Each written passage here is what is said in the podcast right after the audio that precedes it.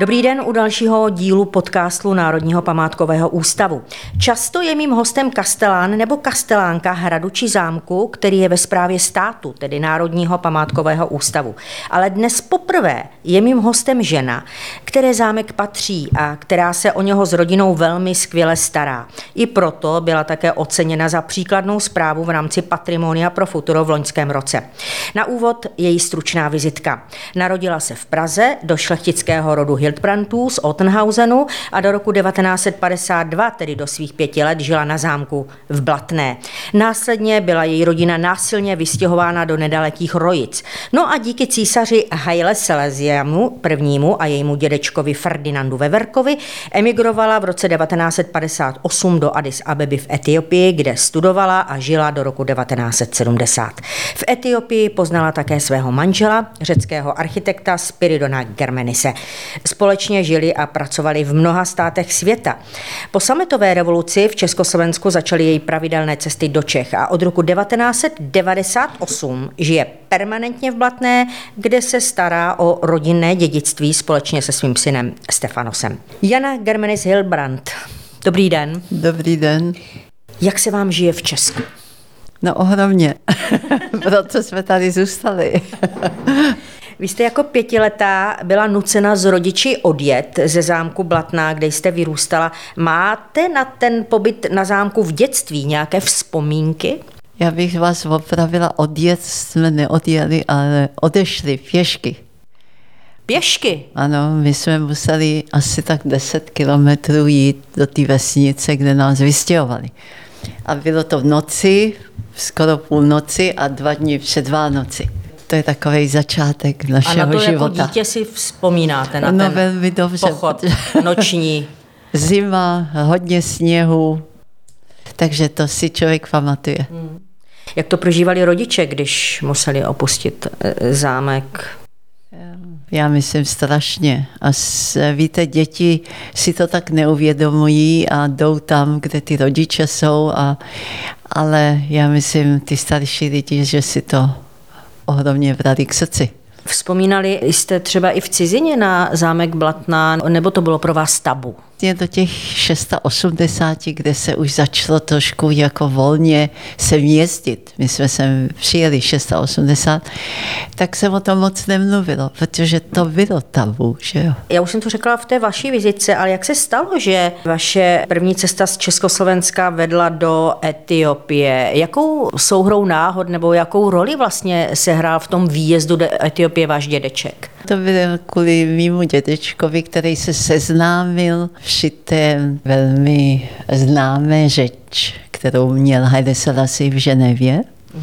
To bylo 630.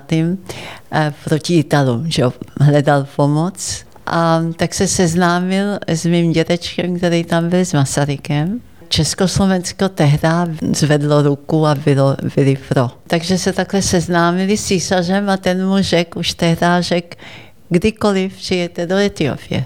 Takže když utíkali, oni se nevystěhovali jako my, ale utíkali přes hranice v 48. a šli rovnou do Etiopie. A vás tady ale nechali? No my jsme teda nemě, nemohli vědět, ale můj otec vždycky věřil, že musí zůstat na lodi jako kapitán a že chce tady zůstat v domě. Když už si váš otec uvědomil, že byť chce zůstat jako kapitán, tak eh, tady tato země ho nechce, pomohl císař etiopský prostřednictvím vašeho dědečka, který tuším byl velvyslancem. Ano, byl velvyslancem Československa, Česká, mnoha zemí. Na přímluvu vašeho dědečka u císaře, který tady byl shodou okolností na návštěvě Československa, se podařilo vaše legální vystěhování. To je ale Etiopie úplně jiná civilizace. Jak jste se adaptovali? v té Etiopii? Jak se vám tam žilo? No já myslím, že to byl velký rozdíl z Rojic, z té vesnice, se dostat do Afriky. Ale bylo to něco úplně jiného. Ona Etiopie je vlastně civilizovaná země. Oni mají kulturu, říkají tři tisíce let, že jo. A jsou to, to určitě kopti. ano, ale je to úplně jiný životní styl, že jo. Tak eh, jak, musela jste být trošičku v šoku, že z vesnice ano v Zrojic, najednou se eh, ocitnout v Addis Abebě v Africe. Co to s dítětem udělá? Asi možná víte, že to byla taková před námi taková budoucnost a říci, že ta svoboda je velmi důležitá. A takže jsme to brali jako něco nádherného, co se nám stalo, že můžeme věct, protože moje rodiče opravdu trpěli pod tím a můj otec byl zavřený a všechno možný. A já, když jsem chodila do školy, tak taky nebylo na mě koukáno jako, ne v dobrým jo, ale taky jsem byla vždycky někdo jiný. A tatínek tam našel práci v Etiopii?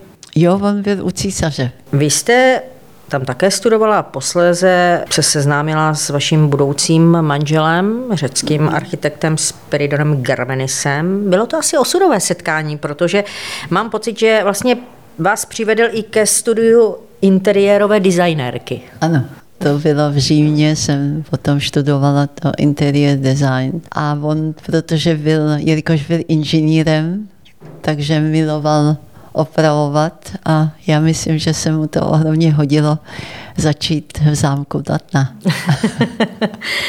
Vy jste posléze žili v Aténách a společně s manželem jste vlastně vyráželi na pracovní cesty v rámci z těch stavebních projektů po celém světě. Afghánistán, Pákistán, Irán, Irák, Saudská Arabie, Libanon a tak bych mohla pokračovat. Na jakých projektech jste se tam podíleli? To byly po nejvíc eh, velký objekty, nějaké fabriky, vždycky to byla fabrika, potom dělali tu největší, kde dělají ty roudy provodů a to šlo po, celý, te, eh, po celý Iránu. To bylo Aha. kilometry a kilometry a v Saudi Arabii taky. Tak takový takovýhle projekty velký dělal. A vaše profese interiérové designérky se tam uplatnila? No hlavně, že člověk viděl něco úplně jiného, jako v Teherán nebo Irán. To bylo něco fantastického, takže tam vidíte taky hodně starých věcí. Učila jste se nebo měla jste snahu se učit v těch zemích ten jejich jazyk, třeba perštinu nebo? Jo, není to lehká řeč, ale člověk se musí něco naučit, aby, aby se mohl rozmyslet, jestli půjde na nějakou silnici nebo ne. jsem se trošku naučila v Saudi Arábii trošku tu arabštinu, ale po nejvíc myslím, že to bylo víc z té Indonésii, protože jsme tam byli tři roky. No právě, vy jste vůbec měli dobrodružný život. Vy jste v roce 78 přesídlili do indonéské Jakarty. Mm-hmm odkud jste procestovali Indii, Singapur, Malajzii, Barmu, Filipíny. Co vás vlastně popouzelo k těm cestám? No já myslím, že jsme byli oba dva takový cestovatelé, nám, nás to zajímalo a hrozně je to jiný svět. Co jste na těch cestách objevovala? Možná, že ten život je úplně jiný. Já myslím v Indii, že člověk pozná, že ten lidský život moc neznamená. Je to trošku smutný, ale je to tak. A, no a v těch druhých zemích to bylo krásný, musím říct opravdu. Všechny mají, každá země má něco krásného, dobrého i zlého. Takže se nedá vybrat jedna země, která na vás obzvláště udělala dojem. To... Ne, ne, ne. Každá země něco má. A ve srovnání s Českem, přece jenom je to vaše rodná zem, tak jak si vede Česko? No je to náš domov. To jsme se rozhodli, když jsem přišla v těch 90. letech, tak jsme řekli, to je náš domov. Když jsme šli přes ten most do toho zámku, tak něco se stane, jako srdíčko vám začne. Vy jste české občanství zpět získala až tedy po sametové revoluci v roce 1989. Do té doby jste v Česku nebyla? Ano, my jsme tady byli asi třikrát. Třikrát za socialismu, jako turisti. A navštívila jste zámek Blatna? Navštívila. A jednou inkognito a po druhý nás poznal pan Kastelán, tak jsem měla z toho trošku obavy. Takže řekl, a tam je dcera od bývalého majitele, tak, takže trošku jsem si dostala takový ten jako strach, že, že vás zase vy, vyženou.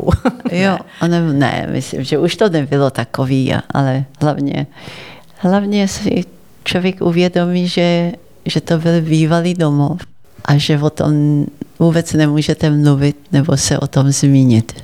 Mm. V jakém stavu tehdy byl ten zámek, když jste ho navštívila? V těch 65. nebo 66. to bylo ještě v pořádku, ale potom v těch 70. letech začalo se opravovat. Trošku jako tady.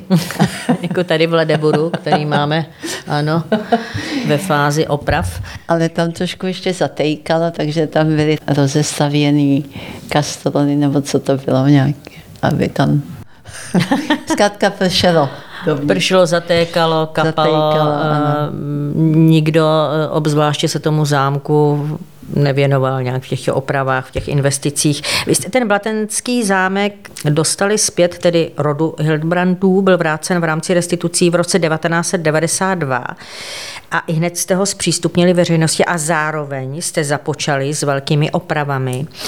Co všechno jste museli opravovat? A, a, a nejenom zámek vlastně, i k zámku patří velký krásný park, tak povykládejte, jak, jaké martýrium jste museli tedy zažít při opravách. Já vždycky říkám, že díky díky památkářům a díky ministerstvu kultury že zámek zůstal zámek. A že vždycky byl vodní zámek a že tam bylo muzeum. A to říkám díky tomu, protože mnoha a mnohí majitelé našli katastrofu. Tam ještě taková katastrofa nebyla, ne. ale přesto jste museli investovat do těch oprav. To jistě, museli se opravit. Totiž ty opravy, které byly jako naplánované v roce 75, 80, ty potom přestali v roce 89, protože věděli, že si o to zažádáme. Mm. Takže to bylo všechno na nás. Mm. Vy jste od roku 1998, tedy 6 let po navrácení zámku, žijete vlastně na zámku Blatné, natrvalo už, to jste se rozhodli pro trvalý návrat. Co bylo impulzem k tomu rozhodnutí? Víte, když se staráte o něco a chcete, aby to bylo všechno v pořádku, tak tam musíte žít. A musí tam mít svůj ten link. se prostě to tam, to musí... tam musí vejít s vámi a musí to tam žít. Jinak to nemá cenu. A potom to bylo velmi těžké. Já jsem samozřejmě začala jsem jezdit, lítat uh, už 92. aby jsme otevřeli, ale syn musel dodělat školu v Atenách a manžel měl tam velkou kancelář. Eh, takže každý dva, tři týdny jsme lítali sem a tam to je hrozně únavný. Takže potom jsme se vlastně už 690. A po škole, tedy když syn dokončil školu, a tak jste se potom rozhodli, že s Aten trvalé. Půjdeme sem. Ještě tady dodělal dva roky tu, tu mezinárodní, protože neuměl česky. Že? Hmm. To byla další věc. A teď už syn umí česky. Teď už umí. A jak eh, se adaptoval manžel? Manžel se adaptoval dobře, protože byl rád tady, měl hodně přátelů a hezky ho přivítali všichni naši přátelé. Vy patříte k zakládajícím členům Asociace majitelů hradů a zámků, která zastřešuje několik desítek historických objektů. S jakými problémy vlastně jako asociace se potýkáte? Jak moc vám pomáhá český stát třeba? Jako partneři jsme Ministerstvo kultury i NPU a já myslím, že stát eh, se stará hodně o, o tyhle, o některý nebo více zámků, že se stará, že pomáhá. My I taky Evropská máme, unie v rámci nějakých fondů Evropská vám pomáhá. unie taky, když, když to je dobře připravený ale já si myslím, že každý z těch majitelů, eh, že musí najít svou cestu, jak a co dělat. Jaká byla ta vaše cesta? Těžká, těžká. Čím jste se museli prokousat, aby ten zámek vypadal, jak dnes vypadá? Ty opravy jsou velmi důležitý a když není střecha udělaná, když není jiný věci, zkrátka, když to není hotový, tak za jedno nemůžete otevřít nemůžou přijít návštěvníci, že jo, a to jsme chtěli vždycky. Máte nějaké místo na tom zámku nebo v parku, které je vaše oblíbené? Víte, já miluju ty zvířata. A, a jsem obklíčena zvířaty, musím říct. Což jsem ráda, protože je to blíž ty v přírodě, ten park je nádherný. A ty návštěvníci to milujou že můžou přijít celé rodiny a pohladit si toho daňka, nakrmit ho, že jo, takže je to hezký. Ale samozřejmě ten zámek má svůj šárm, jsou tam pokoje, který mil, miluju opravdu. I pokoj, kde jste vyrůstala jako dítě? Taky, taky. Je tam ano. pořád eh, ten interiér takhle zachován? Teď ho opravujeme a chceme udělat hezký eh, pokoje z toho. Je to takový vzdálený, takový myšlenky, který vám přijdou blíž, když tam stojíte nebo sedíte. Mm-hmm. Vůbec, kdybyste měla představit ten zámek v Blatné, kde zatím nikdo třeba nebyl a chystá se tam. Mimochodem natáčel se tam pohádkový muzikál Šíleně smutná princezna s Helenou Vondráčkou a Václavem Neckářem, tak každý si ho určitě musí přes ten známý muzikál vybavit. Ale kdyby to bylo na vás, jak byste ten zámek představila? Co je na zámku výjimečné, nebo čím je výjimečný? Já myslím, že to je vodní zámek je to v Jižních Čechách, protože Jižní Čechy jsou opravdu krásný. A ta historie je opravdu zajímavá. Tolik rodin tam žilo. A každá z těch rodin něco do toho dala, něco přestavěla. Takže tam je velká taková historie celých těch tisíc let, tak je to něco velmi, velmi důležité pro ten zámek. A každý kamen, já říkám, každý kamen má tu svoji historii. Vy pocházíte z rodu Hildbrandů. Co byste o tom rodu mohla říct? Který předek vám je obzvláště milý nebo zajímavý nebo někdo z toho rodu blízký? Já myslím nejvíc můj, můj dědeček, ale já jsem na všechny vyšná, protože udělali, co mohli. I začátek těch 20. století nebylo lehké jako teď vždycky tam něco udělali, vždycky něco opravili a nejenom to, že můj děda byl i v politice, byl místo starostou, přived eh, tam dráhu, telefon, školu, takže já jsem velmi vyšná na ně tam, já jsem se zmínila již o tom parku, že tam eh, byl park, nebo je park, který má takové návrší speciální se skalami, umělým eh, jeskyněmi. To má také svoji historii. Ano. Jak to bylo? To bylo, to bylo kvůli, že lidi neměli dost jíst, že byla vída ty leta a tak můj praděda vybudoval takovou, takovou skalku a průchod do příští vesnice. To bych vlastně neměla říkat, protože jsem to, už jsme to uzavřeli, je to nebezpečný. Ale tak udělal takový tajný průchod a to vybudoval a tím dával lidem práci a, a jídlo. V těch hrozných těch válečných, válečných dobách. Mm-hmm.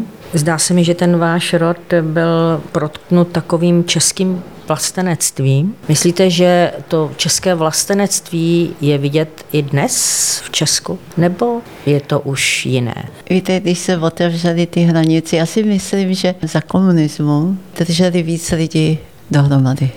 A to přátelství bylo silnější, protože museli bojovat proti něčemu, co nebylo pěkné. Ale od těch 90. let, kdy se otevřely hradice a tak dále, tak lidi poznali, jaký je svět venku, jak se žije venku, co je. A to mění lidi. A ta nová generace, ty mladší, ty myslím už nejsou takový patrioti, jak to bývalo. Máte ještě nějaké sny nebo něco, co si chcete ještě splnit? Protože vy jste procestovala celý svět, máte mnoho přátel po celém světě. Splnilo se vám i to, že jste se vrátila domů, do svého rodného bydliště, do Blatné, do domova svých předků. Teď jste obklopena svými blízkými, přáteli, i těmi zvířátky, které máte tak ráda. Tak se ptám, jestli ještě něco je, co si říkáte, ještě tohle bych chtěla zažít, nebo tohle bych chtěla si splnit. Já myslím, člověk žije potom pro ty děti. Já mám toho syna, kde jsem velmi fišná na něj, protože on to převzal, začal pracovat a dělat dál ty věci a jde v těch krocích naší rodiny. A chtěla bych, aby se šťastně oženil, aby měl hezkou rodinu a aby ta rodina šla dál. Krásné přání. Říká náš vzácný host, baronka Jana Germenis Hilbrand. Já vám moc krát děkuji za to, že jste přišla tady do takového bohužel eh, neprovizorního prostředí, provizorního studia, protože náš Ledeburský palác, kde je sídlo generálního ředitelství Národního památkového ústavu, se opravuje. Moc vám děkuji za návštěvu, přeju hodně zdraví, hodně splněných snů a hodně návštěvníků zámku Blad. Já taky děkuji a bylo to moc milý s váma se, se takhle pobavit.